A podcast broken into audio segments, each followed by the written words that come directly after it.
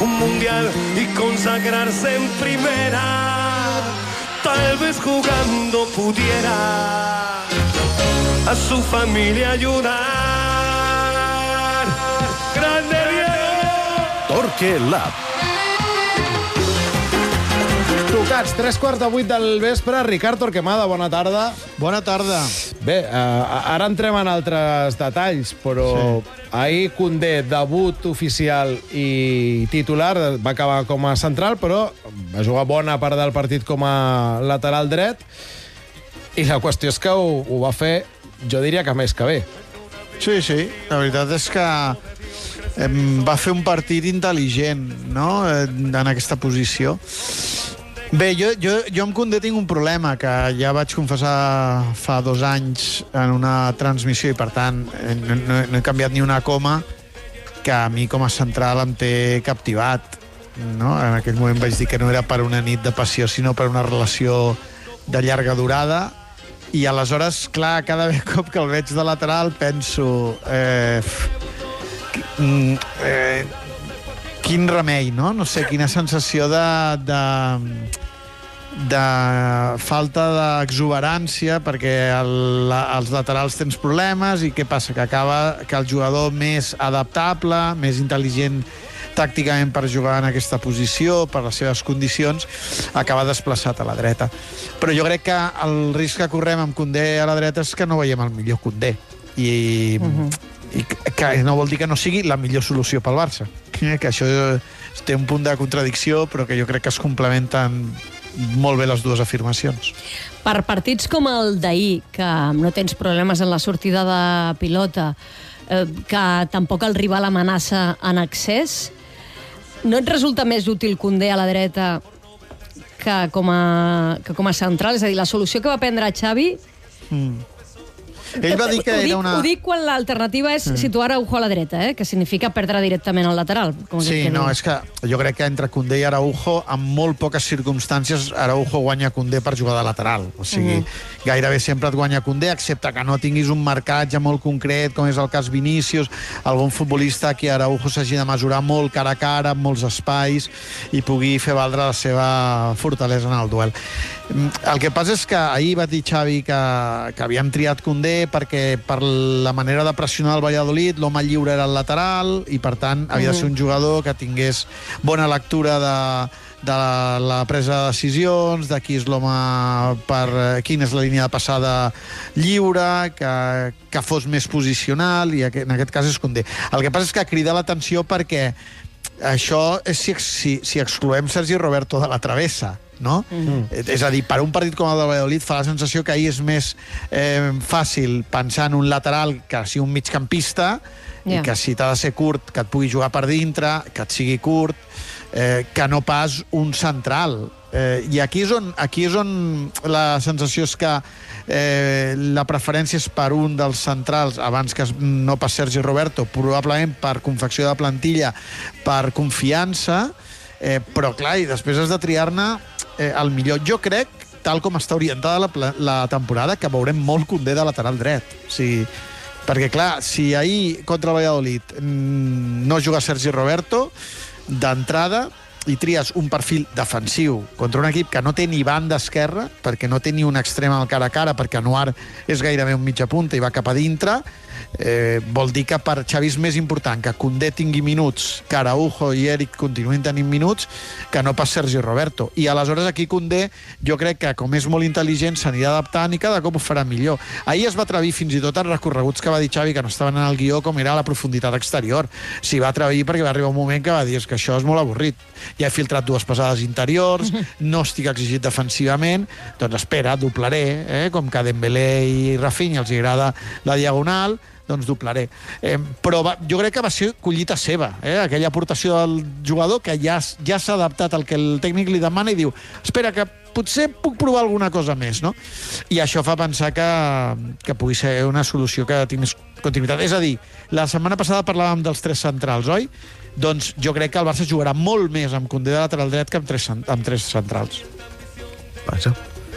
Doncs eh, Va, en, entenc pel, pel teu discurs inicial que no, no et sedueix perquè, clar, tu et vas enamorar d'ell com a Clar, central. em perdo, em perdo Condé com a central. Em, perquè és que no hi veig gaires opcions al lateral dret. Jo crec que Xavi el tema Araujo el guardarà per l'emergència després de la primera jornada. Bé, o Serginho Des acaba convencent-lo que fa la sensació que no, si no és que marxa. Ara, ara parlarem de Potser mercat. trobem alguna solució a partir del Sí. dijous. Si no, efectivament, és el que hi ha. Alguna solució vols dir que vingui algú No, altre? exacte, que d'aquí a dijous no hem de descartar que Però, pugui però arribar algun continua altre. sense haver-hi un nom... Perquè Foyt sembla que ha caigut de la travessa, no? Sí, s'ha lesionado. Sí, sí. Sí. De fet, avui, des de l'entorn de Foyt, donant pràcticament per descartada aquesta, aquesta Aleshores, S'ha lesionat 8-10 setmanes. S'ha lesionat 8-10 setmanes, Clar, sí. fins al Si Mundial. fitxem Foyt Cuidado con el lesionat de Mundial. 8-10 setmanes, jo de veritat que plego. O sigui, No, és que Foyt ja Juguem el pots- sense lateral dret, és igual, és que, el, amb 10. és que Foyt ja pots començar a negociar pel mercat d'hivern. Ah. Perquè, perquè és que si el fitxes ara, no jugarà fins al gener. Ah, clar, per això, per això. Per tant, però, però ja- clar, aquí la ja el pregunta treure és si travessa. tirarem fins al mercat d'hivern amb... Però saps què passa, Jordi? Que jo busco i rebusco i ja sé que jo no, no tinc la capacitat d'anàlisi ni de profunditat tècnica que molts... Eh, que la gent que s'hi dedica, no sóc professional d'això, però em costa veure al mercat a tres dies del tancament un lateral que millori eh, el que el Barça té, que millori el que Xavi vol i que pugui ser un lateral mm, titular al Barça, més tenint en compte els últims precedents. Per tant, Xavi haurà de ser original, atrevit i imaginatiu. I és veritat que té excedent de centrals i pot jugar o amb els tres centrals o amb un central de lateral i en aquest cas la sensació és que Condé és qui millor et farà la feina si més no, qui millor et traurà una nota mitjana alta tot i que jo crec que no arribarà mai a l'excel·lent perquè no és la seva posició, malgrat que el, el lliguis més a aquest, a aquest rol de, de lateral curt que fa que el lateral, com explicàveu abans, esquerre sigui més llarg, que era el mateix que feia el Barça de Guardiola amb Dani Alves i a Vidal. A Vidal tancava i, i Alves volava, no? Doncs aquí, en aquest cas, el Barça faria el contrari. El lateral esquerre volaria i el lateral dret recolliria. Per tant, la teva conclusió que, que Condé jugarà molt de lateral neix de que des del teu punt de vista ahir era un partit més per, perquè ens entenguem, perquè el jugués Sí. sí. Sergi Roberto que no pas Condé, i si Xavi en aquest context ha triat Condé, Sí. doncs en contextos més exigents eh, encara, Encara més, encara amb més raó. Per dir-ho d'alguna manera, ens guardaríem la carta Araujo per marcar Vinícius, per, per resumir. ejemplo. Per marcar Vinícius o... A Luis algun- Díaz. Clar, és Com? que, A Luis Díaz, ¿no? Sí, exacte, Sané, perfil o- molt, molt esmolat. Ara no? vindran... Sí, sí. Eh, i... O, o el Bayern, eh? Un Coman, Sí, per això, per això, Coman, Nabri, Sané. Sané, Sí, exacte. Molt bé, Sí, sí. doncs el Ricardo té bastant clar. Tot això expenses, que ara en parlarem de si arriba o no un lateral eh, dret d'aquí a que, que tanqui el mercat. Però amb aquest misteri teniu algun nom que m'heu de regalar? O sigui, o... Aburrit. Aburrit. No, hi ha l'alternativa d'Héctor Bellerín, amb qui hi ha Ah, hagut uh, contactes. És que- però... Pero si el Barça, que- si el Barça- perdona, Ricard, si el Barça busca a Pilicueta, no puede buscar a Bellerín. No es el mismo tipo de lateral. És més foiz. Claro. Sí. Això és veritat. Claro, si, Ara, busca, clar, eh, si buscaba Entre que està Pilicueta... lesionat i que la Si clàusula de buscaba foiz va Pilicueta... creixent... Eh, per- Am, am, avui el que m'explicaven és que en tot moment en l'operació Foyt el tema del fair play del Barça ha estat un obstacle molt gran, perquè a més a més és una operació a la que hi has d'incloure el traspàs i que no és un traspàs menor tampoc, i tot això fa, fa créixer el límit salarial, i com que el Barça no va sobrat, doncs estàs lligat.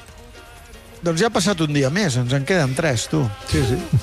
Però hi ha marge fins dijous eh, a la i mitjanit. Tres dies... Clar, Qua... I t'haig de dir, i, i a més és que primer han de produir-se les sortides, eh, tampoc. Sí, sí, que ja ha eh, passat un dia més. Sí, Que sí. aquest sí. Barça ho deixi tot per l'últim moment, a l'últim minut, tampoc serà una sorpresa. No, no. perquè portem un any que ens estem acostumant ja a, li- a viure al límit. Els dos últims mercats ja ha Per estat tant, això. I s'ha de dir que amb bona resolució. Patint, patint per, per si havien entrat les operacions o no, però en I, els dos i, casos van entrar. I ni estazos de mercat, que diuen, eh? Exacte. 76 hores i 5 minuts queden... Has estat tota Sí, aquesta sí, estona tot sumant. aquest silenci.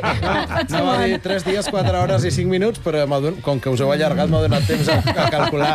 Fins i tot en 76 hores podem fer meravelles. Per, vaja, el que va empa...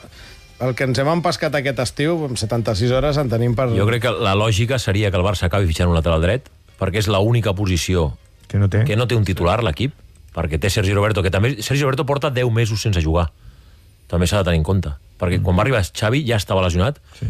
i ha, ha, ha jugat ara. no ha jugat en 10 mesos. Es va lesionar a Vigo, abans de que arribés Xavi. I fins ara, no, no, un tio que porta 10 mesos parat, li costa entrar a l'equip, agafar ritme a competició, continuïtat per ser titular 90 minuts, per tant s'ha d'anar amb prudència amb Sergi Roberto. Eh, És a dir, Andrés tu creus que Sergi Roberto tindrà, protagonisme? Sí, però, però com a lateral suplent. Ara mateix, clar, ara De mateix... Koundé. O del que arribi. Clar, la idea és que arribi un. Estava, havia d'arribar Però Pilicueta, a mi és que em passa com el Ricard, és el que us deia abans. però ahir sentia... Ahir Fitxar, te- fitxar un dels millors centrals del món i posar-lo de lateral... Clar, però eh, és una, és una necessitat Ja, ja, que però- esperen ja, que el proper ja partit ja no que hi hagi, perquè s'haurà Però- tancat el mercat. Sí, la meva pregunta pel Ricard i també per tu, Costa, és quina defensa creieu que és més potent per, eh, per afrontar un partit d'exigència? Condé, Araujo, Eric i posa Livalde o Alba en el cas que hagi recuperat la titularitat, O Marcos Alonso. o Marcos Alonso en cas que hagi arribat, o bé Que, que tampoc quedaria. o bé Sergi Roberto, que és el que tindries ara més, més que no sé què passarà amb Dest. Per tant, Sergi Roberto, Condé, Eric i Quan dius Valdeo. exigència, entenc que estàs imaginant exigència defensiva. Sí. Sí, clar, clar, m'estic imaginant... Si t'estàs El imaginant... El Bayern. El Bayern. El Bayern, va. Condé, Condé. Condé de lateral dret. Doncs el dia del Bayern jo potser, és que ara en parlàvem, jo potser posaria, aquell dia sí, potser posaria Araujo de lateral. Jo, Bé, o és Araujo, que, jo és que exacte, veig, sí, sí. És que Em veig sembla sortir, bona- em sembla bona el gir de- veig de com guió. surt, veig com surt el Barça quan la pilota surt per Eric i penso que Condé l'hem fitxat per això, per tenir-ne dos sí, sí. com Eric. Sí, Sí. sí. Haver de fer una emergència aquí, bueno, jo, que, que jo ja t'entenc, ja, ja entenc on vols anar a parar, que és Sí. que no en tenim un de millor. Mm. Sí, Sí, Però sí, mi- que és el sacrificat, pera, en sí, aquest sí. cas, és el que ha de sacrificar la seva Sí, sí. posició. M'hi apunto al gir de guió del, del Jordi, perquè abans havíem parlat del Bayern justament Sí. sí. dels extrems i que Sí, jugui sí. Araujo. Però clar, eh, sí, qualsevol d'aquests dos futbolistes, depenent del context, s'hauran d'adaptar a la posició de lateral. Però també us dic una cosa, o sigui, això que ha d'arribar un lateral, jo, jo tanco els ulls, i, saps, i em poso sota la taula allò, arronso les espatlles com dient ai, ai, ai, l'ensurt perquè, perquè, clar, és que a veure qui hi ve.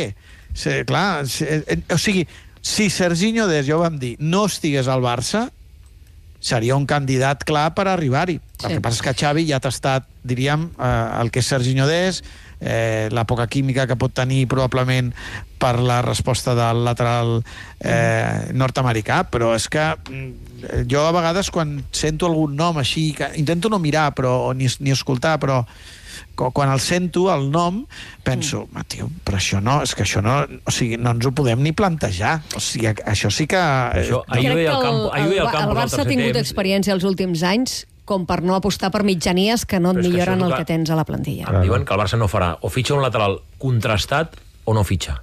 No farà ni un experiment ni fitxarà un jugador diuen que no sigui un 7 o un Em 6. sembla una bona decisió. Sí, o fitxen Però un jugador contrastat que sàpigues el que fitxes o no fitxes. Aleshores, si no ve Marcos Alonso, que ells el consideren contrastat, al Costa li genera algun dubte, però eh, el No, consideren no, contrastat... contrastat està... Jo, jo és que no veig que hi hagi necessitat, però mm. home, és un jugador, Sí, cony, si no ve Marcos Alonso, descartem que, per exemple, vagin a per Javi Galán, que aquí jo crec que baixes un puntet, un esglaó. Mm. No, el tema de Marcos Alonso és un tema de salari. I, per tant, primer prioritzes lateral dret, perquè és més necessari. Però ara no jo tens. parlo de l'altra banda. I llavors, si tens solucionat el tema del lateral dret i et queda massa salarial per fitxar Marcos Alonso, el fitxes. Però què passa? Que Javi Galán cobra la meitat i, a més, és, és més jove, fas un contracte llarg. L'amortització, encara que costi una mica més... Però aleshores ja no és molt- el raonament que em comentaves de si, si no, No, és és un jugador contrastat... Però és que són Javi Galán, no, però Javi Galán, portem que a Xavi li encanta, des del primer moment. Per tant,